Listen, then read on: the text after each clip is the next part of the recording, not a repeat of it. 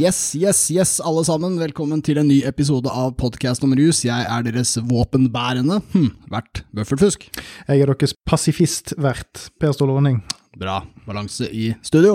Yes, alle sammen, vi er tilbake, vi, og jammen blir det ikke litt ruspreik i dag også. Vi skal snakke om norske byer. Yay! Alle elsker det! Ja, for dette er jo, nå er vi så fucka lei denne her uh, rusgreien, så nå blir det podkast om geografi. Podkast om uh, Send gjerne, send gjerne inn et forslag til tema på små tettsteder på Vestlandet som kan være veldig interessante for f.eks. Uh, ja, de nynorskbrukere. Ja, gode fergeturer. Uh, gode... Smegdahovdi. Det er sånne, sånne som høres finnig på ut. ja, som ikke fins på ordentlig. Sånn Øystese. Øystese, det er finnig på. Uh, ja, nei, vi er eh, klare for det. det, det vi, også, vi, vi kan jo bare ikke eh, drule løs med, med denne geografitimen som de gleder seg til, alle sammen der ute. Uh, før vi har snakket om ny, fet mediesak om politiet. Vi klarer jo ikke la være. Vi klarer ikke la være. Men, men for en gangs skyld så er det jo ikke, er det jo ikke våre, våre narkotikarepresentanter sånn sett, men det er jo en gammel kjenning av redaksjonen, ikke det? Oi, oi, Som oi. er i sentrum her, han, han Sverre Sjøvold.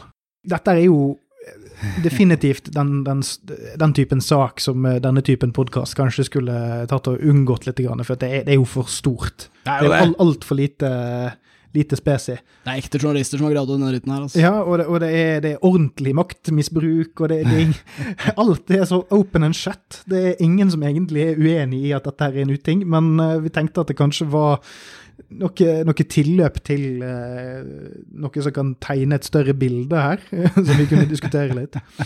Ja, absolutt. Nei, vi må jo bare skimme gjennom det fort. Altså, PST-sjef Hans Sverre Sjøvold han ville kvitte seg med tre skytevåpen. Uh, VG har klart å grave opp masse om den saken. De har tidligere dekket saken om at uh, Sjøvold plutselig hadde noen våpen han ville ha klarert. Bare sånn ut av det blå. Ja, det var litt om at det kunne være en gave, noe om at det kanskje var noe fra, som var levert inn, som Mm. han egentlig skulle destruert, men likte og beholdt. Litt sånn som at før i tiden så kunne det være sånn at det ringte på døren, og så var det en kurv med en baby utenfor. sant? For en, en, en mor som var uh, havna i ulykka. Ja, Men her kurv med våpen. her var det pistoler. Ja, og- Sjøvold bare for, forbarmet seg over. Men litt som en, eh, en eh, ny forelder ser babyen og bare smelter når han ser babyen, så smelter han når han så våpenet. Fordi det var så sjelden pistol. Så han kunne jo ikke bare la den gå. Eh, men det er altså tre, tre våpen Sjøvold ville ha klarert, og ett av dem er helt ukjent. Og det er det feteste, for det er en sånn kort, bitte liten pistol sånn som, du kan, som er lagd for å skjule i jakka. Skikkelig mordervåpen, og det er sånn ukjent opphavvåpen. Sånn veldig sånn hardkokt detektivvåpen. Ja, ja, ja. Faktisk på omtrent eh, en revolver som var veldig populær omtrent samtidig som det var populært å legge en baby på trapper. Ja, nei, det er, jeg tror det kommer fra samme epoke. og det tror jeg Sjøvold også gjorde. Kanskje Sjøvold har vært ute, liksom gått gatelangs med denne revolveren på innerlommen for å finne ut hvor babyen kom fra. Sjøvold var babyen. Holy shit.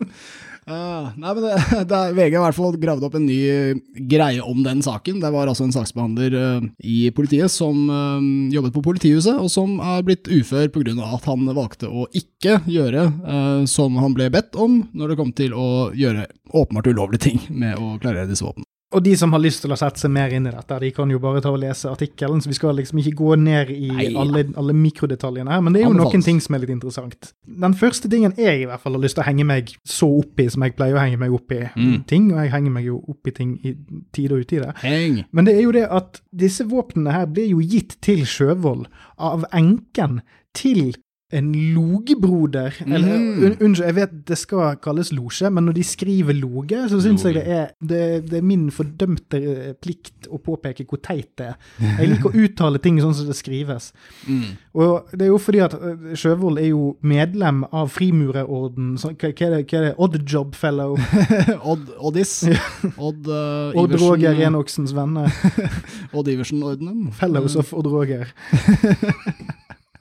Han er der, han òg. Han er litt oppe. Det var der han fant seg, hun der lille jenten. Det hjelper å hete Odd, helt sikkert, hvis du er med der. Eh, det, er, altså, det er også en historie om politikulturen, eh, hvor denne kilden til VG, saksbehandleren, eh, som eller, dette er stort sett basert på avhør fra Spesialenheten. Men uh, visstnok så skal den ene politiansatte, kollega av den som nå er sykemeldt, ha blitt overbegeistret av å få dette oppdraget. Å, nå har vi fått det! Dette er top secret fra øverste hold! Det gjelder en av de største sjefene. Og jeg vil ikke at politifolk skal reagere sånn, når, når sjefen ber deg gjøre noe skikkelig skikkelig hemmelig. Nei, og jeg vil heller ikke at eh, politisjefen skal bare ta på seg sånne oppdrag ut av det blå. For at det er en, en ting som er litt sånn underkommunisert i denne saken, er jo det at ok, han avdøde losjebroren Ja. i, i, i, i, i Tøff kappe-losjen. Han har da hatt våpen som er ulovlige, eller i hvert fall en som ikke er registrert i det hele tatt, som han har fått fra et eller annet sted. Og så er det sånn at enken hans gir dette til Sjøvold for å bli kvitt det. Hvorfor sier ikke da Sjøvold Lever inn dette sjøl og si at Altså, er det sånn at den, denne konen risikerte en eller annen straff? Altså, her, her har jo Ja. Sjøvold begynt å skape lovbrudd der det tilsynelatende ikke var et i utgangspunktet. Med mindre det er noe mer shady med han eh, eh, losjebuksvågeren av de siste dagers hellige. Det er litt for lite omløp her til hvorfor i alle dager han gjør dette i utgangspunktet. Hva er poenget? Hva, hva er gevinsten her for noen av de involverte? Nei, du, altså, Gevinsten må være et eller annet internt. ass. Fordi eh, det, det kommer jo også fram fra artikkelen at de har hatt en, eh, en liten frokostklubb som pleide å drikke kaffe sammen om morgenen på politihuset. Ja. Det er litt sånn nerd, altså. altså. Det første du gjør når du kommer på arbeidsplassen, er å sette deg ned og drikke kaffe med de utvalgte. Eh, og der hadde altså, PST-sjefen hadde da sagt at han hadde en litt kjedelig sak, han satt på noen våpen han ikke burde. Mm. Eh, og det ble liksom fortalt i den hemmelige lille klikken. Dette er ikke bra, vet du. Dette er ikke bra. En ting er at du, jo, det er gøy med hormelige oppdrag og sånne ting, men ikke når det er på vegne av ham privat. Det er litt sånn som at han ber deg liksom, banke opp naboen eller noe. Det er ikke, det er ikke et fett oppdrag. Ja, det er litt sånn, det er sånn Sjefen din kommer og setter seg ned ved siden av deg på morgenen og så bare sier sånn ah, har litt sånn kjedelig sak. altså han Naboen min, altså kneskålen hans fungerer litt bedre enn de burde. Det er litt lei sak. Litt vanskelig sak for meg. Ja. Hadde jo vært fint om det ordnet seg en gang mellom nå og neste uke. Ja, ikke videre i saken så er det disse politifolka som driver og ser, ser for seg hvordan de kan fikse, bli kvitt våpnene også. Kanskje de kan demontere de, demontere de, som det heter. Mm. kanskje de kan kaste dem i havet. eh, sånne ting. Dette er jo classic politiarbeid. Vi trenger jo ikke hale dette ut til det vide og det breie, for så vidt. For det er jo egentlig mest det at eh, det man kan peke på her, er jo en, en problematisk side eh, ved politiet som institusjon generelt. For at du vil få de samme problemene i politiet som du har alle andre steder, bare i tillegg Ja. så har du voldsmonopolet på toppen. Ja. Og dette er òg da samtidig som vi har denne NMPF-greien og bla, bla, bla, rolleblanding etc. Mm. Men her har du bare et sånt fint lite eksempel som egentlig ikke har så mye med resten av dette sakskomplekset vi pleier å dekke. Det bare illustrerer fint visse konkrete kulturproblemer. Og han Sjøvold har jo vært involvert i ganske mye av det vi har dekket tidligere. Jeg husker ikke helt når han gikk av som politimester, jeg, men eh, han har nå vært, vært det mens dette showet har eh, gått. Ja, ja, definitivt hatt noen fingre med i mye spill vi har snakket om.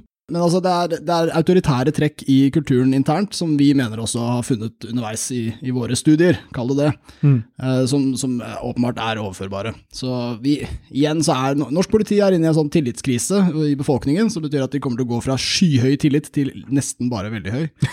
Eh, men, men eh, det er jo i tiden, dette her. Og sånn sett så ser jeg litt frem til flere sånne saker som dette. For jeg, jeg sitter og stusser på om hadde denne saken blitt publisert for fem år siden, f.eks.?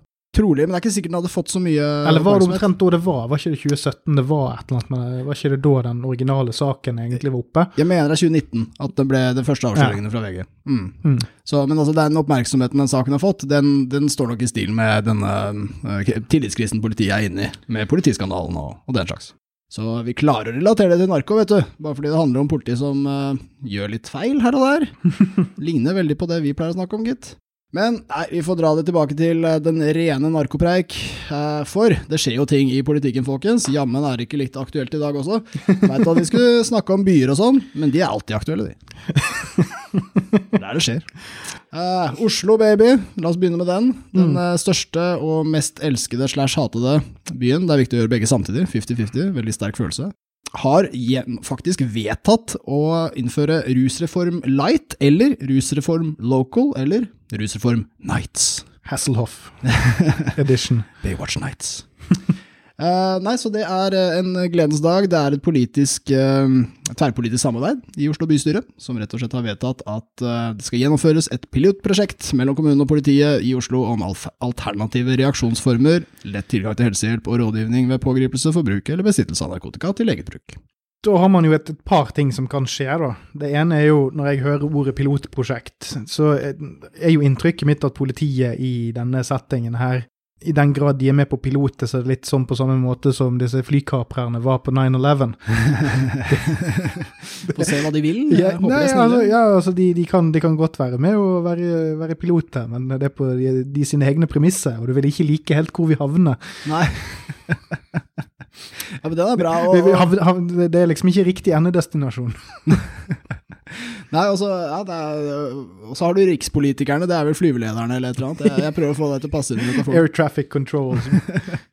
ja, Så så flyselskapet er bystyret. Ja, så, ja at, men, men da er jo, da er jo eh, Slagsvold Vedum og Mehl er jo de, de som sender feil signaler på landing. Da. Ja, det, de står De er vel sånn som terroristene i Die Hard 2 som gir feil koordinater for hvor tett på flyene er på bakken. Ja, Ja. Metaforen drukner litt. Litt komplisert. Ja, Det er ikke sånn det, det, det er tynn luft her.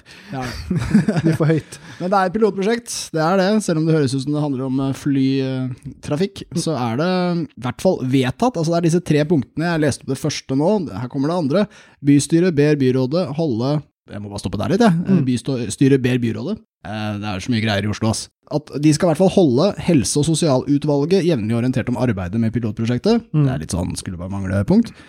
Eh, Og tredje punkt, bystyret ber byrådet søke nasjonale myndigheter om å få innføre en lokal rusreform i Oslo dersom kommunen og politiet ikke kommer fram til en enighet. Der er det litt spennende ting, da. Men det aktualiserer jo litt av de andre innvendingene her, da. Det er jo at på hvilken måte har egentlig bystyret og byrådet muligheten til å påvirke politiet sitt arbeid? Hvordan er dette lovverket egentlig utformet? Ja, ikke sant? Eh, eksempel alternative reaksjonsformer og lett tilgang til helsehjelp og rådgivning. Det vil jo være eh, Ja, sant, kanskje det er det, dette med at det er et pilotprosjekt eh, Kanskje det er det som er poenget med det, da. At, eh, at politiet faktisk kan se vekk ifra ting og bare heller lempe de av hos en helsesøster. At, at det faktisk er mulig uten at politiet bryter loven Ja, ved å gjøre det.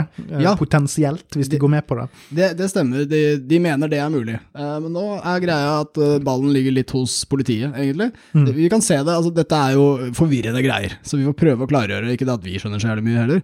Men eh, det, det som har skjedd, rikspolitikerne, hele landet i gjengen, de sa nei til rusreform.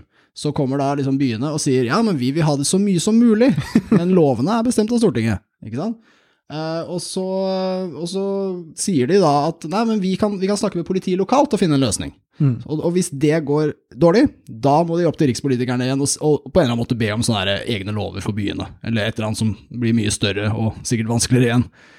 Uh, men uh, det, derfor er det jo interessant å nevne at politiet selvfølgelig igjen kommer inn og kaster kaldt vann på det flotte bålet som politikerne har fyrt opp. Det er, eh, jeg synes det er en artig greie hvordan liksom, hver eneste gang en eller annen politiker sier nå skal vi endre ruspolitikken, nå blir det noe annet her, så er, kommer liksom politiet på banen med sånn Nja, jeg vet ikke om det lar seg gjøre, egentlig. Altså. Så er, Man blir jo litt forvirra om hvem det er som lager lovene, og hvem det er som skal følge dem. Men eh, vi får nå se. Det er interessant, det her. Eh, jeg har også lyst til å nevne at det, det mest interessante, og da mener jeg underholdende, partiet i Oslo bystyre, det er jo Folkets parti. Eh, som tidligere het Folkeaksjonen mot bomringer, eh, som kanskje delte seg i to eller tre eller ti, jeg vet ikke, men den ene fraksjonen ble Mm. til Folkets parti. Men hvor, hvor ble det av han der, eh, han fyren i, i Han med jakka? Ja, han med jakka. han, han- som trakk seg helt til han fant ut at hvis han trakk seg, så fikk han ikke etterlønn. Jeg ser, Han er vel lokalpolitiker i Bergen eller noe, jeg, jeg, jeg vet ikke. Han, eh, han var veldig vestlandsbasert, tror jeg. Ja, er visstnok den mest shitty eh, sjokoladekafé-restaurantøren som noensinne har eh, gått i et par vadestøvler der borte. Ja, ja det mange mange. Ja, det er eller én, mest spesifikt. Men det er Folkets parti, altså når, eh, når Oslo bystyre, eller byråd, sorry at jeg ikke vet forskjellen, jeg blir bare forvirret. Nei, byparlamentet Bygjengen oppe i Oslo, Nei, de, bypresident Jakob Raimondsen. det, da bycrewet sist eh, skulle, skulle se om de kunne endre på ruspolitikken, så var det jo et eh, forslag fra bare noen representanter om at de skulle utrede muligheten for salg av lettere stoffer i Oslo, Mm. som i hvert fall er juridisk utfordrende, mildt sagt. Det ble jo nedstemt rimelig fort, men en av de som stemte for, var Folkets parti.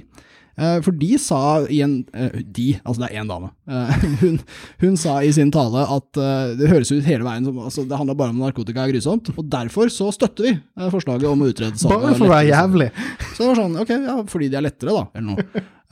Men når den rusreform light nå ble avstemt, da stemte Folkets Parti imot, selv om de var for å åpne for salg sist. De virker litt sånn forvirra, når jeg sier de, så mener jeg hun. Og da, hun sa at det, kalte det egentlig for legalisering. Mm. Eh, Det var derfor de stemte det nei, fordi da kan ungdom gå med masse narkotika i lomma.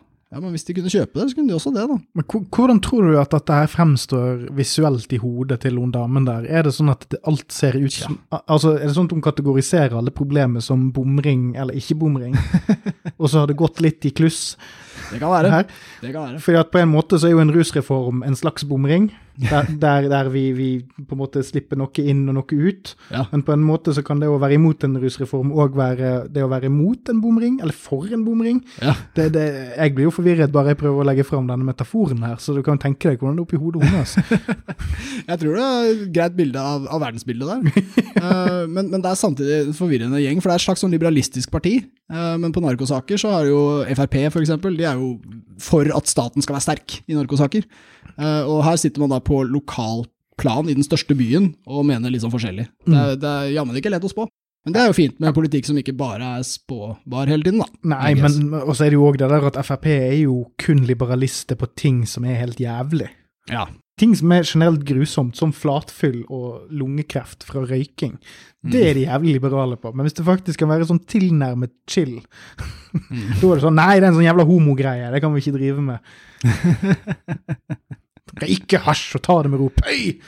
Skal til Pattaya og drikke med grisedriting, så gjøre ufyselige ting. Jeg har lyst til å sitere litt fra, fra Rune Solberg Svan, eh, politimannen som også var med i rusreformutvalget, og som lakk greier til politidirektøren i forkant, eh, fordi han tok dissens, bla, bla, bla. Eh, Men han understreker at det er ikke anledning til å inngå særordninger for én kommune, og dermed så bu, bummer, buskill. Eh, Men eh, en ting jeg syns var interessant, er at eh, Svan også sier at politiet er positiv til de rådgivende enhetene, men han presiserer i forhold til straff at selve pålegget om oppmøte er definert som en straffereaksjon. Da er vi plutselig tilbake til rusreformutvalget og disse diskusjonene om hva skjer hvis du ikke møter opp. Så her sier faktisk politimannen rett ut at det er faktisk straff å tvinge dem til å møte opp, og jeg er ganske enig med han. Så da er det jo bare å ikke gjøre det tvunget, da. tenker jeg. Ja. Gjør det til frivillig oppmøte. Verre er det ikke. Men Svan har også en eh, ting som jeg syns var kult å høre fra en politimann helt til slutt. Eh, Man skal gjøre skjønnsvurderinger, sier han. Dersom f.eks. en mamma eller pappa kontakter politiet med bekymring om at deres barn bruker narkotika, vil det naturlige være at politiet ikke oppretter anmeldelse, men hjelper dem å få kontakt med kommunens tjenestetilbud. Og det, det lukter av eh, Vi har nok å gjøre i Oslo-politiet, vi har ikke tid til den jævla hasjrøykende 14-åringen din. Men det er også helt riktig. Bedre det. Ja, det høres jo kjempeflott ut. Høres jo jævla greit ut, da. Men eh, vi får jo se hvor mye Altså, dette er jo by mot land-konflikten som blomstrer. Altså, det var jo egentlig landet, eh, landsbygda, som vant eh, kampen om rusreformen ved å stemme den ned. Men nå slår byene hardt tilbake her, ass. Mm. Får vi se hvor mye særråderett de har. Men det skjedde, ass. Det blei vedtatt. Og det er jo egentlig ingen stor bombe. Altså, Oslo er den byen der rusreformen har hatt mest støtte. Tenkte å ta med det også, at i april 2021 så gjennomførte Respons Analyse en spørreundersøkelse, som jeg vil understreke var ganske nøytralt formulert. Det var det ikke alle som var i forkant av rusreformen. Men den viste at syv av ti Oslo-folk støtter rusreformen. Der var det altså 72% som var positive. Mm. Eh, 10% var ikke sikre, men kun 18% var negative. Så det betyr at i Oslo så var det under to av ti som var imot rusreform. Det er ganske bra. Eller for meg, som er enig. Men det er et høyt tall. Eh, Og det viser også skillet mellom by mot land. Altså, nå har vi ikke lignende målinger for landet, men vi kan anta at det kanskje er omtrent litt omvendt. Eh, Snu det litt på hodet. Men det som skjer nå, er jo at vi har eh, i landets fem største byer, så lukter alle nå på å prøve det samme som Oslo skal prøve. Trondheim har også sagt seg gira, som jeg eh, oversetter det med, til å få dette på plass. Eh, det samme har Bergen. De hadde også cannabismarsj i år, skjæra til Bergen. Det hadde ikke Oslo. Månebedotten-marsjen, som det heter i Bergen. Ja, og andre ord jeg ikke forstår. Eh, lokale ting. Ja, men eh, nå, nå koster jo grammeren bare et halvt bekkalokk. Bekkiken, grammiken. Den gjemmes f.eks. i Undiken. Der har vi det.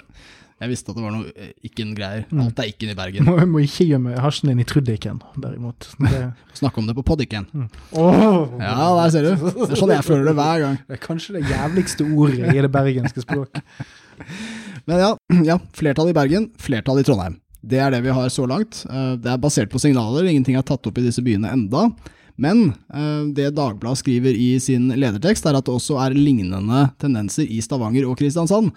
Og når det stemmer, så har vi basically topp fem av eh, norske byer etter innbyggertall, sånn sikkert.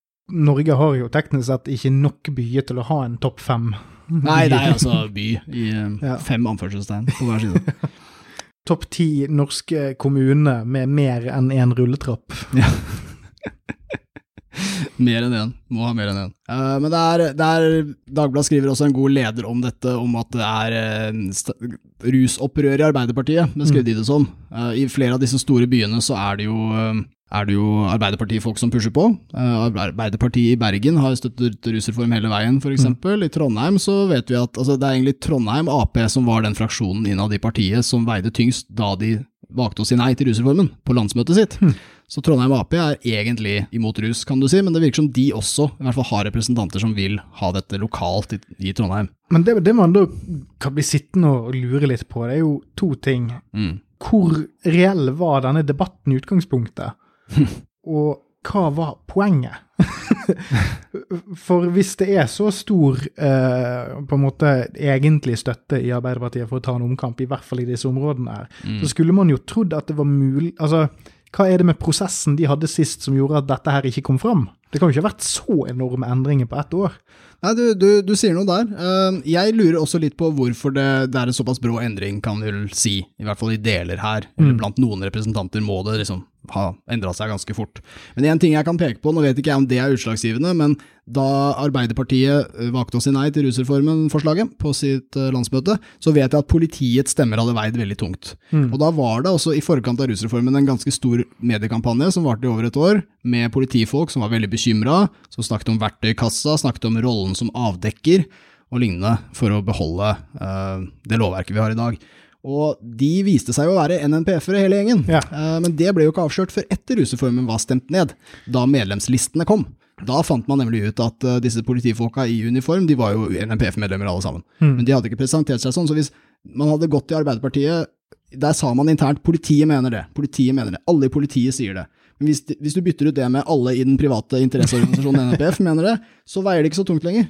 Så det kan være det, at man kanskje føler seg lurt. Jeg håper i hvert fall noen gjør det, for jeg mener Ap ble lurt av, av krefter i det private politiet. Si det. Ja, ja el- eller så kan det være en kombinasjonsting med at de Ap-erne som lente seg mest på den autoritetslinjen Mm. der, og dermed vant, kanskje har fått seg en intern smell. Ja, jeg lurer på at det. disse folkene ikke blir liksom At man ikke har den samme ærefrykten lenger ned i rekkene for de som var veldig tøffe på dette. Mm. En, en ting jeg kan nevne der, som, bare for å underbygge det du sier, det er at Senterpartiet de var veldig harde på støtte til politiet. De tok jo ikke noe inn over seg, noe skadereduksjonsargumentasjon i det hele tatt. De var bare politiet sier, politiet har autoritet, det er viktig. Så de i Ap som hadde det synet, de var jo på en måte Sp-vennlige, da. Og så er det det synet som har rakna etterpå. Det kan gjøre litt internt i Ap, tror jeg. Jeg, litt, jeg gleder meg jo egentlig litt til denne regjeringen kanskje skal liksom ha en mening om noe som ikke er forferdelig kjipt og midt på treet. Ja. sånn utover, utover dette her, da. Ja. Eh, de har liksom bare valgt den absolutt mest skittige plattformen de kunne velge, og så ser man jo nå at det er jo bare et enormt PR-problem å være assosiert med Senterpartiet i noe som helst som har med, ja har med noenlunde fornuftige takes på noe som helst. Men det er, det er en veldig interessant utvikling, dette. Altså, egentlig er det jo Der rusreformens fall kunne vært et slags sånn eh, avsluttende punkt, så ble det heller et startskudd for masse kaos. Både at politiet mistet eh, virkemidler for å avdekke dette, domstolene har, eh, Høyesterett har tatt grep for å hindre dommer av de tunge rusavhengige. Og, og nå har vi på en måte en innad i Ap, i hvert fall i byene, da, så ser vi at eh, man er uenig med sitt eget parti. Og Det er interessant samtidig som vi har en statsminister fra Ap og en helseminister fra Ap som begge mener at straff er, har en oppdragende effekt overfor ungdom. Samme mener nok justisministeren vår. På tvers av hva vitenskapen sier, og også da på tvers av hva ledende byrepresentanter i partiet deres mener. Nå må vi jo huske altså hun eh, justisministeren vår, hva er det hun heter? Mehl. Mehl. Mm. Hun hun er jo knapt nok konfirmert, så hun står jo i fare til å kanskje kunne havne i en sånn ruskontrakt. Ja, Hvis Ja, hun for ikke- ungdom, Ja, eh, stort sett, så eh, må ikke vi det kan, det kan hende at det kan hende at Bresil står bak dette her. men da er det fristende å bare hoppe til et annet punkt. Oi. Vi skal ikke gå videre på det, men jeg, jeg må dra joken. Vi skal snakke om det etterpå, nemlig at Oslo fjerner urinprøvekontrakter. Og det er vel her Mehl bor nå. uh, så da slipper hun. Slipper unna. Hvis hun ble bustet med en liten, liten røver på lomma, så, så kan det hende hun i hvert fall ikke må pisse en kopp. Hun har nettopp avtjent militærtjeneste òg, så hun har jo måttet holde seg ganske på, på pinnen. Nei, pisser rent, hun. ja. Det vil jeg tro. Eller, Så- eller så blir jo Überstormfyrer uh, Lauritzen veldig, veldig, veldig misfornøyd. Ja, han er, uh, Han er hard. han er ikke pro drugs. Og uh, har vel vært politi, kjenner han det? Jo, stemmer. Han er det. Um, og selvfølgelig en slags antinarkosnut, men det er jo sånn idrettssnut, selvfølgelig er det det. Det er jo en av de artigste tingene med Grimstad kommune. Det er jo at utenfor politistasjonen der før, så var det et monter med syklene til Tor Hushovd og Dag Otto Lauritzen. og da er man jo litt fristet til å tro det at de plasserte de utenfor, utenfor politihuset, sånn at ingen skulle tørre å stjele de. Det var jo sikkert tanken. Sånn ut, utstyr til sånn 30-40 Nei, det er jo sikkert 50 000 kroner, vel så det. Det er jo veldig sånn Jeg liker at de, de tenkte at alle vil se på det hele dagen, derfor er det vi i politiet som skal få se på det hele dagen. Det var flere årsverk i Grimstad-politiet som gikk vekk med at de bare sto og drakk kaffe og så ut av vinduet på det fine Nikket monteret. sakte. Mm. Mm. Der er den. Der er sykkelen. Inspirerende. Inspirerende. Nei, det er, eh, men apropos politiet, altså. Det er med denne lokale rusreformen, som da kanskje kan dukke opp i flere andre byer også, så vil politiet få ganske mye muligheter. Eh, De får litt sånn makt tilbake, kan man si, men her er det mer i, i strategisk sammenheng.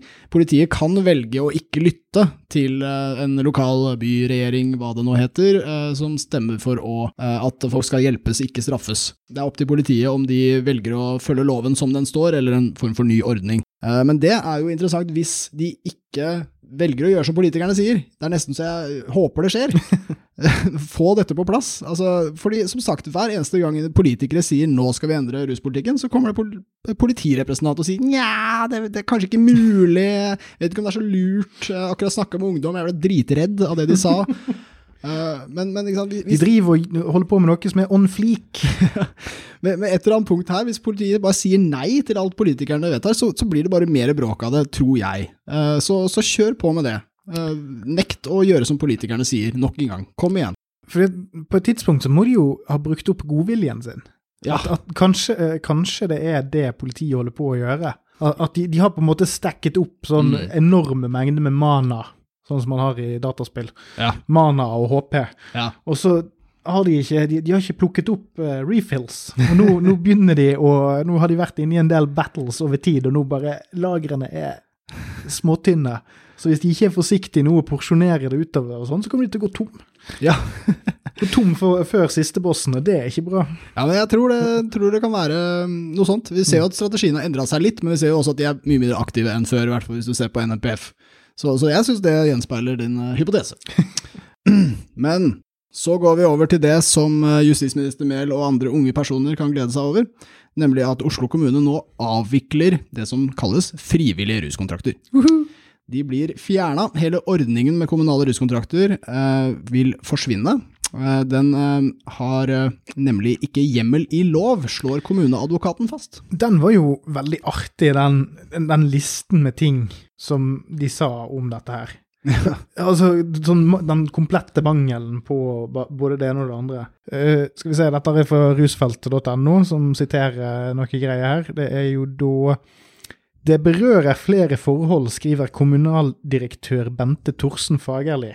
Kunnskapsgrunnlaget er uklart, hjemmelsgrunnlaget er uklart, ungdommenes erfaringer er ikke systematisk blitt etterspurt, evaluert eller dokumentert, og det finnes ikke likeartede prosedyrer og rutiner for ordningen med sikte på å bidra til likeverdige tjenester og god kvalitet. Fagetisk er det utfordringer knyttet til å skille hjelp og kontroll. Sånn, pek på den tingen som funket med dette. Ja, ja. På hvilken måte har dette her vært formålstjenlig i det hele tatt? Ja, ikke sant? Og, og det, det, det, har vært ulovlig hele tiden. Vi skulle lage en rottefelle, men så har vi bare endt opp med å lage en knekk nakken på spedbarnfelle. Det ble litt mørkt, men uh, dette er òg ganske mørkt. Ja, nei, for ikke sant, altså det ble, var jo mange ting som ble oppsummert her av kommunaldirektør Bente Thorsen Fagerli, eh, bl.a. at ungdommenes erfaringer ikke har blitt systematisk etterspurt. Eh, ikke etterspurt i det hele tatt, kunne man også sagt. Det har heller ikke blitt evaluert eller dokumentert. Og Det jeg syns var interessant, var jo at uh, den fantastiske organisasjonen Forandringsfabrikken har jo uh, en tendens til å være de beste på å spørre ungdom. Altså mm. Det er jo drevet av ungdom. Og uh, i en rapport de har lagt frem, så har de snakket med barna som har vært på ruskontrakt. Og de aller fleste av barna som har vært på den, de har opplevd den som lite nyttig. Og jeg tar med de punktene her, bare sånn, fordi når de først spurte ungdommen, så var det dette her de fant, da. Mange har opplevd at hovedfokuset hos de voksne er å stoppe rusen, og at det har vært viktigere enn grunnene til at de har rusa seg. Noen har slutta med stoffer som slår ut på prøven og begynt å ruse seg på andre ting i stedet. Noen har slutta i de månedene de har gått på kontrakten, begynt å ruse seg med en gang de er ferdig. En del har funnet måter å lure prøven så den ikke slår ut positivt selv om de har rusa seg. Mange synes det er ekkelt, flaut eller krenkende å ta prøvene. Noen har opplevd at prøvene er, at de er så ubehagelige at det har uh, vekket uh, traumer, ting de har måttet ruse vekk uh, følelser fra. ja. Suksess! De fleste av dem har blitt bedt om å gjøre det foran voksne, ofte uten at de voksne har snakket med dem om hvordan det har vært for dem, og hvilke erfaringer barna har hatt i sine kropper. og Her er noen av sitatene fra ungdommene, og jeg, jeg synes det funker, for det er direkte tale. Her er det. Det hjelper ikke å gå noe på ruskontrakt, du kommer tilbake til rusen med en gang du er ferdig. Jeg må gå på sånne samtaler, men det er bare piss, det orker jeg ikke. Bokstavelig talt bare piss. Jeg liker ungdomsspråk. Eh, det er som en pause, det forhindrer deg ikke i å ruse deg videre i livet ditt. Jeg går på pissings, men jeg kommer, kommer, til å ruse meg med en gang jeg er ferdig. De får meg ikke av rus med dette opplegget. Jeg er på ruskontrakt, men jeg får ikke noe ut av det. Jeg stopper ikke med rus. Jeg klarer ikke gå på pissinga. Jeg føler meg redd fordi det står en person der og stirrer på meg mens jeg pisser. Den føler jeg. Det er ubehagelig som faen at noen skal stå og se på at du pisser en gang i uka i seks måneder. Den syns jeg oppsummerte en del. Eh, videre, det går ikke an å gå på do foran noen, jeg sto i 30 minutter og jeg har ikke sjans. Føler han. Shy bladder, bladder recognize. og det, det, det recogniser jeg. jeg. jeg. står frem.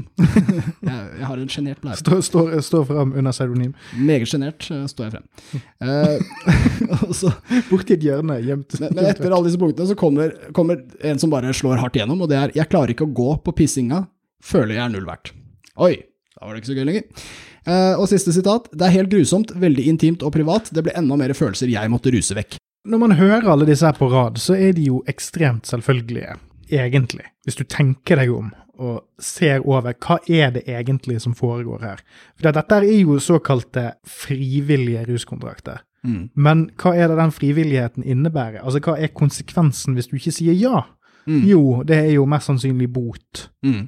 Eller kanskje i noen tilfeller fengsel. Ja, altså... Det, I noen tilfeller ville det vært det. I verste fall, ja. ja. For at det er pga. besittelse. sant? Altså Det er jo det dette trikset de alltid har med. Det er ingen som soner for bruk i Norge. Nei, men det kan jo godt hende at noen de tok for at det har hatt noe på seg, bla, bla, bla. Ja, får du, får du nok bøter, så må du sone. Ja. Det er greia. Ja, alt det der. Mm. Og så er det sånn at det er så intu altså, Vi har vokst opp i et samfunn der vi er veldig vant til, og vi, vi er veldig tro mot politiet. Det er noe vi blir vi lærer fra vi er små, at politiet er snille. Mm. Hvis politiet gjør noe, så er det for ditt, for ditt eget beste. Hvis du blir straffet, så blir det eh, for ditt eget beste. Men hva er det vi driver med her? Hva er, den, hva er det vi har lyst at ungdommen skal, skal gjøre, og hva mm. er det vi gjør for å få dem til å slutte? Mm. Vi truer dem med en utrolig kjip opplevelse, i bytte mot en annen veldig kjip opplevelse. Mm. Og så skjer det som skjer med alle antiautoritære grupper og sånt, det er jo det at med en gang autoriteten kommer, så blir du mer vrang. Ja. Teknisk sett. Altså, mm. Om ikke direkte i møte, så er det sånn ja, det de sier, jeg kommer ikke til å slutte, jeg bare kommer til å komme meg gjennom dette. Mm. Så kommer jeg til å gå tilbake igjen. Ja. Du, du, får ikke noe permanent endring, og du har mest sannsynlig gjort situasjonen verre. Absolutt. Absolutt. Og, og det er så fuckings åpenbart, men det er et eller annet med måten dette her har bare vært en del av kulturen vår så lenge at det er nesten litt utrolig at, mm. uh, at det ikke har kommet frem så tydelig før nå mm. hvor utrolig skadelig det er. Ja. At, at, vi som samfunn ikke har begynt å anerkjenne det før ganske nylig. At mm. ja, men det er jo ingen andre områder vi oppfører oss sånn mot unge på. Det er ikke det. Nei, det, er, om, de, om, de, denger læreren sin Så får du mer forståelse ja. Rett og slett. Hvis de utøver vold mot andre kids. ja, men Det er utrolig at det har kunnet pågå så jævlig lenge. Dette er, altså, dette er ansett som den milde sanksjonen, sånn sammenlignet med fengsel og bot, holdt på å si. da. Uh, men, men uh, det man vil, er jo at man skal vinne ungdommen over til sin side. Altså Du skal få dem over on the, on the light side of life, mm. eller i hvert fall ikke dark side. da. Ja. Og, og, da er jo ikke dette måten å, å, gjøre det på. Du bygger jo ikke relasjoner med dette her. Du knuser dem, du viser dem hvem som er sjef, men det, det er jo ikke noe som funker i det hele tatt. Uh, og Det er jo sånn sett interessant at dette har fått pågå så lenge. Nå har jeg dessverre ikke funnet noe tall på hvor lenge det har pågått, det her, men det, vi kan anta at de har hatt sånne kontrakter i 20-30 år. Ja. Det kan vi anslå. Ja, for det klarte vi ikke helt å pinpointe, faktisk. Og det Nei. sier jo litt om uh, evighetsmaskinen som uh, politiets oppførsel faktisk er. Fant ikke masteroppgaven til Jan Erik Bresel engang. Når var det de begynte med disse prøvene? Selv om det handler om urinprøver, hele greia. Uh, men uh, det er altså Hvordan begynte de å nøste opp i at de har basically brutt loven hele tiden? Uh, jo, nei, det er da Helsedirektoratets høringssvar fra 2020 om manglende dokumentasjon på effekt. Sånn, Oi, i 2020 fant de ut at det ikke funker. Der begynner det altså. og ruskontrakter, skriver Helsedirektoratet, kan ikke ses på som en kunnskapsbasert tilnærming. Da er vi tilbake på den andre tingen som ikke er kunnskap, som stort sett er autoritet, vil jeg nok si. Eh, så ble det slått fast på um, Stortinget i februar i år at um, det er ikke lovgrunnlag for kommunene å drive med dette her. Det har kommuneadvokaten i Oslo nå vurdert, og kommet fram til samme resultat. Og det er Kommuneadvokaten peker også på at personer under 18 år ikke kan inngå slike forpliktende avtaler som personlig belastende. Hm. Og at vi ikke har sett det før. Altså det, er, det er først nå vi ser at, at, vi skader folk med tiltakene våre. Så ille er narkotika at for å hindre at de blir kjempeskada, så skal vi skade dem litt. Eh, litt. Sånn at de skjønner. Det har vært strategien. Altså. Bare skade litt, lite grann. Mm. Og, og, så gjelder det sårbar ungdom. Som vi da klemmer urinen ut av. Nei da, de gjør det sjøl. Og så analyserer vi den, og ser om de har vært lydige, sånn som de sa. Vi stoler ikke på dem, vi må sjekke. Tenk om de hadde hatt en sånn jævla melkemaskin. Ja, hvis den hadde vært uh, etisk innafor uh, for 30 år siden, så hadde de brukt den. Hvis det ikke var for EØS-reglene mm. på import og, og, konkret bruk av, av utstyr som egentlig er registrert som uh, agronome formål. men, men, la oss ikke glemme hva det er. Altså, det, det, er en kontrollmekanisme. Det er mm. for å sjekke om folk er ærlige i det de sier. Så i stedet for urinprøver, så kunne ungdom kanskje fått et eh, kamera satt inn i leiligheten sin, som politiet kunne sett på hele dagen, for å se om de oppførte seg som de skulle, mm. eller noe lignende. Det er ekstremt inngripende. Og det er et uttrykk for den manglende tilliten. I stedet for å faktisk stole på det de sier, så innfører man tiltak fordi man da viser at man ikke kan, som utgangspunkt, stole på hva de sier. Jeg synes at de, eh, de som syns at dette her var ok, fremdeles argumenterer for at det er en god idé, burde være de første politibetjentene som begynner å bruke bodycam. Bare for å se om de har noe å skjule. Mm. Eller, de, eller, bare for å se om de protesterer mm. på bruk av bodycam. Og så skal de bare få gå med det et år, og så skal vi se hva som skjer. Om det dukker opp noe gøy. Absolutt. ass. Og jeg, jeg, tror det er mye desperasjon i dette. Jeg tror dette har kommet fordi vi ikke veit hva vi skal gjøre. Og igjen kommer de tilbake til at vi ikke veit hva vi skal si til ungdom om rus. og Det er fordi det å si sannheten om rus, det er noe som koster noe jævlig. Det har vi ikke lyst til å gjøre. Men da er det sikkert mange som tenker ja, men hvis ikke vi skal ha urinprøvekontrakter, hva, hvordan skal vi da? Hva, hva, gjør vi da? Da blir det jo ingenting til ungdommen. Vet du hva du må gjøre? Du må snakke med ungdommen. Det er, det er jævlig kjipt. Jeg vet det er vanskelig. Alt er vanskelig med ungdom. Det er jævlig kleint òg. Det er vanskelig å være ungdom. Det er vanskelig å ha ungdom. Stakkars foreldre. Mm. Eh, det er vanskelig å forholde seg til dem på alle måter. Så, og så har du narkotika, som er vanskelig i seg selv. Ja, der har du den ultimate vanskelige sandwichen. Men den må, vi, må, du spise en liten bit av gangen. Du er nødt til å snakke med disse kidsa og fortelle dem sannheten, selv om du ikke håper å si, vet den sjøl. Du må finne den på internett. Du er nødt til å finne ut hva som er sant, og så må du faktisk være ærlig med ungdommen, og så må du vise at du er villig til å stole på dem. Og hvis du tvinger dem til å pisse i en kopp, så har du ikke gjort noen av delene. Jeg begynner jo å lure på om, om grunnen til at vi er så kjipe med ungdommen når det gjelder rus, er det at vi som samfunn har på en måte konkludert med at uh, ja, men det er jævlig kleint å snakke med kids om sex og samliv. Ja. Så vi gidder faen ikke å ha enda en kategori med vepsebol som er kleint å snakke med dem om. Så han setter seg ned ved siden av poden og sier ja, ja, har du begynt å, har du begynt å røyke den første bønna, gutten min? Så, ja, sånn, du orker ikke den heller. Så, altså, du, så du, nei, kan ikke bare gjøre det forbudt? Det var jo det vi gjorde med puling i hundrevis av år. Sånn, nei, nei, ikke før ekteskapet. Slutt. Hysj. Ingen lærdom. Det er ikke min jobb. Hendene over dynen. Det var skolen eller kirken ta, det er ikke min jobb. Nei. La prestene ta det. men nå er det mer sånn ja, ja, skal vi snakke litt om puling, gutten min? Og da, da, har du tatt litt av magien bort. Ja. Uh, men det kan du gjøre med joints òg. Det er litt sånn hvis du hadde et kommunalt brukerrom hvor du måtte henge med kommunale ansatte hver gang dere kan joints, så hadde magien forsvunnet. Det samme blir jo kanskje når faren din var sånn ja, ja, gutter, sitter og ruller en joint, eller ah, Da forsvinner jo opprøret. Ja, Kanskje er det bedre. Hvis du får assosiert eh, narkotika med liksom han angustne sløydlæreren du hadde. Sånn blir det Ja. når du gjør opprør. Men du må egentlig bare få opprøret ut av det. Du må egentlig bare få det til å være en eh, Jeg skal kanskje si en hverdagslig ting, da, men, men sånn som med, med alkohol eller whatever, vi regner med at folk bruker det riktig. Vi regner med at folk som har en vinkjeller med 5000 flasker, ikke gir det til barn. Altså, sånn, vi, vi gir dem en viss grad av tillit. Og ved et eller annet punkt så må vi jo kanskje gjøre det med andre rusmidler òg, da. Til og med de ungdommen liker. ja, så eh, avslutningsvis skal vi da si at la, la oss håpe at maktvakuumet etter pisseprøvene forblir enormt. Ja, la oss håpe det. La oss håpe de, de stepper opp noen samtaler eh, og, og roer ned den maktgreia. For nå har dere tapt makt, som dere har knytta dere til via en pisseinstitusjon. Det var riktig å beskrive det sånn, faktisk. Ja, tror jeg. Nei, men eh, jeg håper eh, norske byer har masse selvråderett og får lov å basically bestemme sine egne lover. Jeg håper ungdom i også uh, steder som ligger utenfor Oslo, for det er kun Oslo kommune som avvikler disse kontraktene, eh, kanskje møtes med litt mer forståelse fremover. Jeg håper Oslo leder an for andre kommuner rundt i landet, som ser an denne ordningen, om de har lov til å gjøre det, om den funker, og om barna sier de blir traumatisert av den. Det håper jeg de kan gjøre. La oss frigjøre barnas urin, folkens. Det er, eh, det er noe som skal være fritt i et vakkert og godt samfunn. Barna urin. Ha det. God natt.